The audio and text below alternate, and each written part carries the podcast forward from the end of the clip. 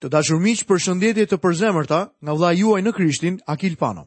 Kam nderin dhe privilegjin t'ju uroj sot mirëseardhjen në këtë emision dhe ju kujtoj që jemi duke studiuar nga libri i Veprave të Apostujve. Sot do të ndalemi në kapitullin e 3 të këtij libri dhe do të shqyrtojmë çështjen e mrekullisë së parë në kishë dhe predikimin e dytë të apostullit Pjetër. Ne jemi ende në ndarjen e parë të librit të Veprave, gjë që tregon se Zoti Jezu Krisht po punon në Jeruzalem me anë të Shpirtit të Shenjtë nëpërmjet apostujve. Ne pamë lindjen e kishës ditën e rrëshajave, një ditë që nuk mund të përsëritet sërish. U bë një kishë sepse Shpirti i Shenjtë u mishërua tek besimtarët. Ai banonte në besimtarët dhe i mbushi me dashurinë dhe bekimet e Perëndisë për shërbesën. Ashtu siç unë dhe ti nuk mund ta përsërisim Betlehemin, lindjen e Krishtit, ashtu nuk mund të përsëritet edhe dita e rrëshajave. Lavdi Perëndisë që ai është në botë duke e bindur atë dhe duke burgosur të keqen në të. Ne nuk kemi pse e kërkojmë atë. Ai banon tek të gjithë besimtarët në Zotin Jezu Krisht. Në kapitullin e tretë do të shohim shërimin e një njeriu sakat. Thirrja dhe zburimi i Pjetrit gjendet nga vargjet dymbëdhjetë deri në vargun e njëzet e gjashtë dhe rezultati ishte pesë mijë njerëz besuan. Lexojmë pa vonuar në kapitullin e tretë të librit Veprat e Apostujve nga vargu i parë. Por Pjetri dhe Gjoni po ngjiteshin bashkë për në tempull rreth orës së nëntë në orën e lutjes. Kjo ishte koha e sakrificës së mbrëmjes kur prifti shkonte brenda për të ofruar temjan bashkë me lutjet e tij. Në kapitullin e parë në Ungjillin e Lukës, pamë që Zakaria po kryente të njëjtën shërbesë përpara altarit të artë kur iu shfaq engjëlli. Ai altar i artë, altari i temjanit, simbolizon lutjet. Kjo ishte koha e lutjes. Duhet të kishte shumë njerëz në zonën e tempullit gjatë kësaj kohe. Lexoj më poshtë nga vargu i dytë. Dhe aty ishte një njeri i çalë që prej lindjes, të cilin e sillin çdo ditë dhe e linin afër derës së tempullit e quajtur e bukura, për t'u kërkuar lëmoshë atyre që hynin në tempull. Ky njeri kishte lindur i çalë. Ai çohej çdo ditë në portën e tempullit. Çfarë kontrasti ishte ai me portën që e quanin e bukura. Këtu ndodhej një portë e bukur dhe një njeri sakat i ulur pranë saj. Njeriu mund të bëjë gjëra të bukura, por nuk mund ta bëjë më mirë veten e tij.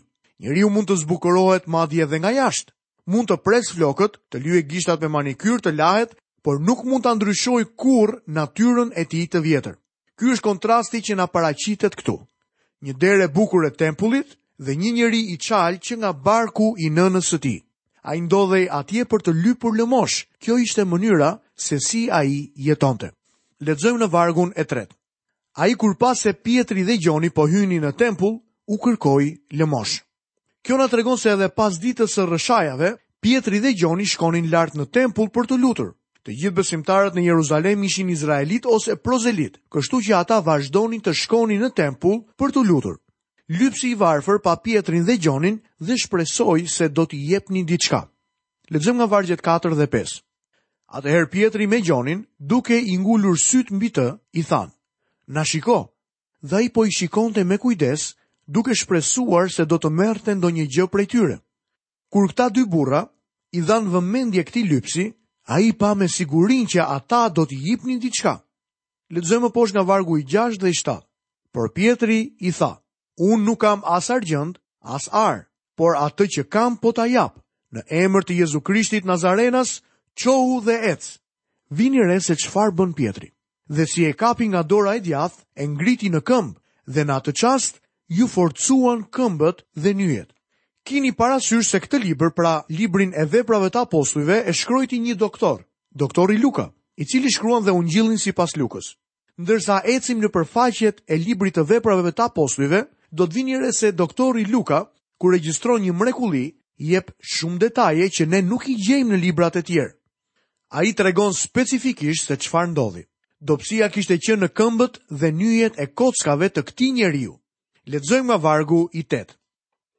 Dhe me një të hovur u ngrit në këmbë dhe filloi të ecë dhe hyri me ta në tempull duke ecur, duke u hedhur dhe duke lavdëruar Perëndinë. Miqtë mi, nuk dua ta lini pas dore shprehjen me një të hovur. Kjo shfaqet dy herë në këtë varg. Ky është një kapitull mjaft interesant. Ne do të shohim se Pjetri do t'ua ofrojë mbretërinë kombeve, sepse në këtë kohë kisha ishte 100% izraelite. Nuk ishte asnjë pagan. Kisha filloi me judenjtë në Jeruzalem. Më vonë do të shkojë deri në skajet më të largëta të tokës, por kjo tani është periudha e Jeruzalemit. Mos u përpiqni të më thoni se ky është një sistem tjetër. Ne kemi njerëz sot që e quajnë këtë një sistem tjetër. nuk është aspak i ndryshëm, por është një periudhë tranzicioni. Perëndia u tha se prej nga duhet të fillonin për të shkuar deri në skajin e fundit të dheut. Mbretëria tani po i afrohet sërish Izraelit. Kjo do të jetë mundësia e fundit. Cilat do të jenë disa nga shenjat identifikuese të mbretërisë së qiellit? Njëra është që të çalët do të kërcejnë, Isaia, profeti, në kapitullin e 35 të librit të tij dhe në vargun e 6, deklaron: Atëherë çalamani do të kërcejë si një dre dhe gjuha e memecit do të bërtasë nga gëzimi, sepse do të dalin ujëra në shkretëtirë dhe përrenj në vendin e vetmuar. Çdo izraelit që po shkonte atë ditë në tempull, u mahnit nga ky njeri i çalë që po hidhej. Ata e dinin që ky ndoshta mund të ishte fillimi i mbretërisë. Mesia ishte kryqëzuar, ishte ngritur nga të vdekurit, ishte ngjitur në qiell dhe ishte ulur në anën e djathtë të Atit. Nëse do ta pranonin, ai do të vinte sërish. Tani do të lexojmë nga vargjet 9 deri 10. Dhe gjithë populli e pa, duke ecur dhe duke lavdëruar Perëndinë, dhe e njohën se ishte ai që rrinte ulur para derës së bukur të tempullit për të kërkuar lëmoshë, dhe u mbushën me habi dhe çudi për atë që i kishte ndodhur atij. Ata e panë Jezusin, e njohën njeriun dhe e kuptuan domethënien e kësaj mrekullie. Kam frikë se shumë njerëz në ditët e sotme nuk e kanë kuptuar ende domethënien e këtij regjistrimi që na jep Doktor Luka. Lexojmë në vargun e 11. Atëherë ndërsa ai çali që ishte shëruar, rrinte ngjitur pas Pjetrit dhe Gjonit, gjithë populli i çuditur rendi drejt tyre tek portiku i quajtur i Salomonit. A është vallë ky fillimi i mbretërisë? Në Jeruzalem kishin ndodhur gjëra të mëdha gjatë javëve të fundit. Ata kishin dëshmuar kryqëzimin e Krishtit, ringjalljen, ngjitjen e tij në qiell dhe ditën e rrëshajave. Ata ishin të mahnitur, çfarë po ndodhte në të vërtetë. Le të shohim thirrjen dhe fjalimin e zbulesës të apostullit Pjetër. Lexojmë nga vargu i 12. Dhe Pjetri duke parë këtë gjë, i foli popullit duke thënë: Burra të Izraelit, pse po mrekulloheni për këtë? Ose pse po na i ngulni sytë sikur ne me fuqinë tonë të vetme ose me perëndishmëri të kishim bërë që ky njeri të ecë? Ai nuk po thotë burra të Shqipërisë apo të Amerikës. Ai po flet burrave të Izraelit. Miqtë e mi, kjo është periudha e Izraelit. Kjo është periudha e tranzicionit. Kisha nuk ka filluar të lëvizë në zona të tjera. Askush në Romë nuk kishte dëgjuar ende për këtë. Asnjë nga ne në Shqipëri, apo në Amerikë, apo në Angli. Ky është Jeruzalemi. Mund t'ju them diçka miqësore? Shumë njerëz që lexojnë Biblën kanë të njëjtat përshtypje si për librat e tjerë që lexojnë. Ky është libri i Zotit, miku im. Nuk është një libër i tipit shumë larg atje matanë. Ai merret me ne pikërisht aty ku jemi. Ai komunikon në mënyrë që ne të mund ta kuptojmë fjalën e Perëndisë. Pjetri tregohet mjaft i kujdesshëm, duke u thënë se kjo mrekulli nuk u bë me anë të fuqisë së tij. Ai do ta drejtojë këtë audiencë judaike në Dhjatën e Vjetër. Ai do t'u tregojë atyre se nëse kthehen tek Zoti, këto profeci të Shkrimit mund të përmbushen. Dëgjoni disa nga profecitë që populli jude i njihte mirë. Tani do të lexojmë një profeci të përmendur në librin e profetit Zakaria, kapitulli dymbëdhjetë, vargu i dhjetë.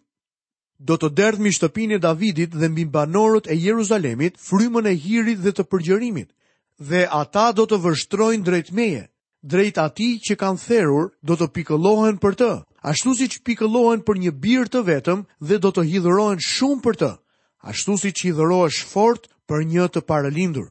Kjo do të përmbushej nëse ata do të ktheheshin tek Ati, por nuk u përmbush, sepse kombi nuk e pranoi Zotin Jezus në atë kohë.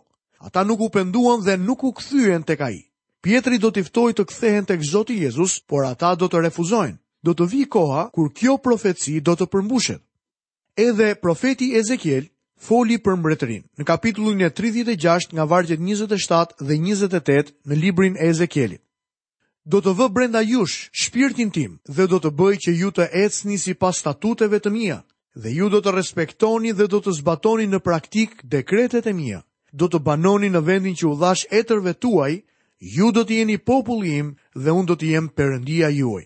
Tani vini re në kapitullin e dymbëdhjetë të profetit Isaia, Një kapitull mjaft i rëndësishëm, vetëm me gjashtë vargje, ai flet për adhurimin gjatë kohës së mbretërisë.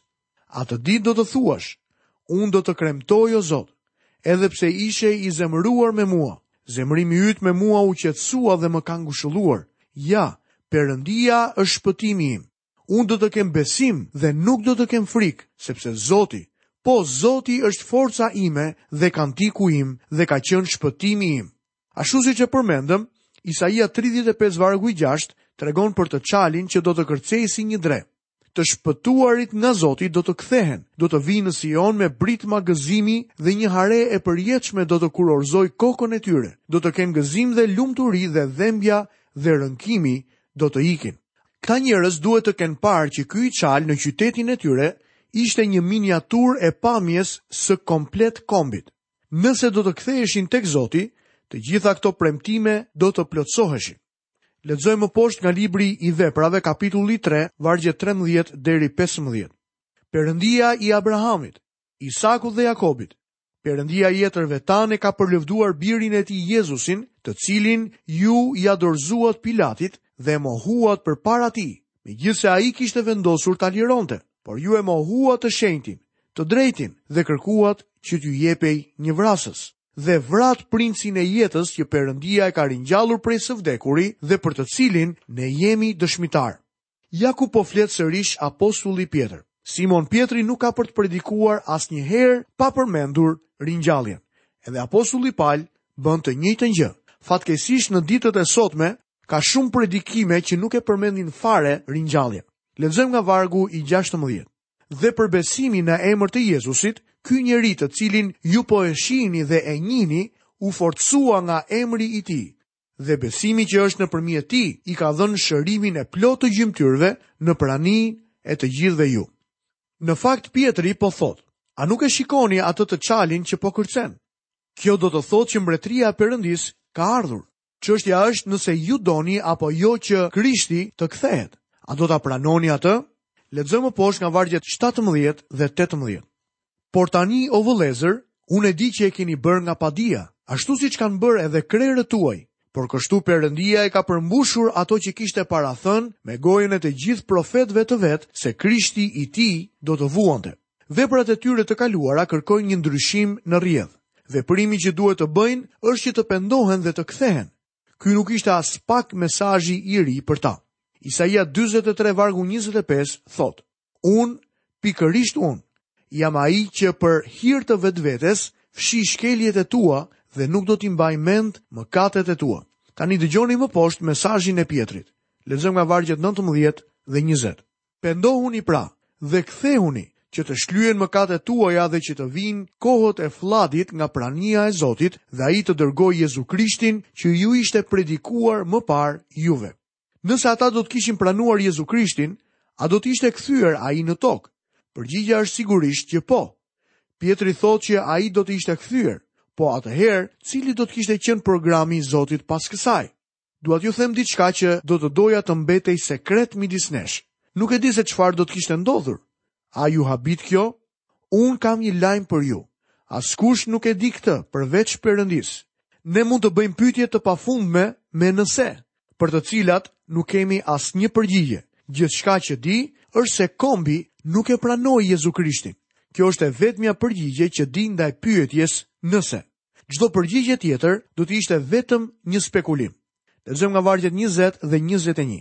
Dhe ai të dërgojë Jezu Krishtin që ju ishte predikuar më përpara juve, të cilin qielli duhet ta mbajë deri në kohën e ripërtëritjes së të gjitha gjërave, për të cilën Perëndia ka folur nëpërmjet gojës së gjithë profetëve të tij të shenjtë që nga fillimi i botës. Disa njerëz e përdorin këtë varg për të përkrahur besimin e tyre që në përfundim do të shpëtohet çdo person dhe çdo gjë. Fraza që përdorin është koha e ripërtëritjes të të gjitha gjërave. Cilat janë saktësisht të gjitha gjërat që do të jenë subjekt i ripërtëritjes? Në letrën drejtuar Filipianëve, kapitulli 3 dhe vargu i 8, apostulli Pal thotë: I konsideroj të gjitha këto një humbje. Mos vallë kishte fjalën për të gjitha gjërat në universin e Zotit? Sigurisht që jo. Kështu që të gjitha gjërat janë të kufizuara nga fjalët që më poshtë pasojnë. Në kohën e ripërtëritjes të të gjitha gjërave për të cilën Perëndia ka folur nëpërmjet gojës së gjithë profetëve të tij të shenjtë që nga fillimi i botës. Profetët kishin folur për ripërtëritjen e Izraelit. Asgjëkundi nuk ekziston një profeci për konvertimin dhe ripërtëritjen e të vdekurve. Lexojmë në vargun 22 dhe 23. Vetë Moisiu në fakt u tha etërve, Zoti Perëndia juaj do të ngjallë për ju një profet si unë nga mesi i vëllezërve tuaj.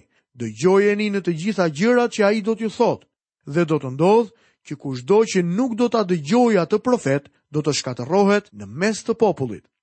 Kombi i Izraelit ishte në prag të gjykimit të madh. Në vitin 70 pas Krishtit, Titi, gjenerali romak, erdhi me ushtrinë e tij dhe shkatërroi qytetin. Përllogariten mbi 1 milion të humbur dhe pjesa e mbetur iu shit në skllavëri perandorisë romake. Gjykimi erdhi mbi këta njerëz. Lexojmë nga vargjet 24 deri 26. Gjithashtu të gjithë profetët, të gjithë ata që kanë folur qysh nga Samueli e këtej, i kanë shpallur këto ditë. Ju jeni bij të profetëve dhe të besëlidhjes që bëri Perëndia me etërit tanë, duke i thënë Abrahamit, Dhe në pasardhësit e tu do të bekohen të gjitha kombet e dheut. Perëndia më së pari mbasi e ringjalli birin e tij Jezusin, jua ka dërguar juve që t'ju bekojë, duke larguar secilin nga ju nga paudhësitë e tij. Të dashur miq, kjo është një periudhë tranzicioni. Atyre u jepet shansi i fundit për të pranuar Mesian. Për shkak se e refuzuan mundësinë e tyre për të pranuar Mesian, më vonë do të dalë në skenë Pali si apostull i paganëve. Çfarë mund të kishte ndodhur nëse ata do të ishin kthyer tek Zoti? Nuk ia vlen të diskutohet. Ata nuk u kthyen. Perëndia nuk habitet asnjëherë me atë çfarë njeriu bën. Ai bën të gjitha gjërat të funksionojnë sipas planit dhe qëllimit të tij. Të dashur miq, i jam mirënjohës Perëndisë për planin e Tij madhështor për shpëtimin e mbarë botës. Për shkak se Izraeli refuzoi mesazhin e Ungjillit, Ungjilli na u predikua neve. Falënderoj Perëndinë për faktin që Ai ka ndërtuar kishën e Tij dhe në një vend si ky yni, që për 50 vjet me radhë mohoi ekzistencën e Perëndisë. Lutem që fjala e Perëndisë të zërë vend në zemrën tuaj. Lutem që Perëndia t'ju japë kuptim dhe bindje në mënyrë që të jeni dishepuj të vërtetë të Zotit Jezu Krisht. Fjala e Zotit thotë që dishepujt e mi janë ata që zbatojnë urdhërimet e mia dhe i vënë ato në praktikë. Të dashur miq, nga vëllai juaj në Krishtin Akil Pano, paçi të gjitha bekimet e Perëndisë dhe paqen e tij në jetën tuaj. Bashkë mirudëgjofshim në emisionin e ardhshëm.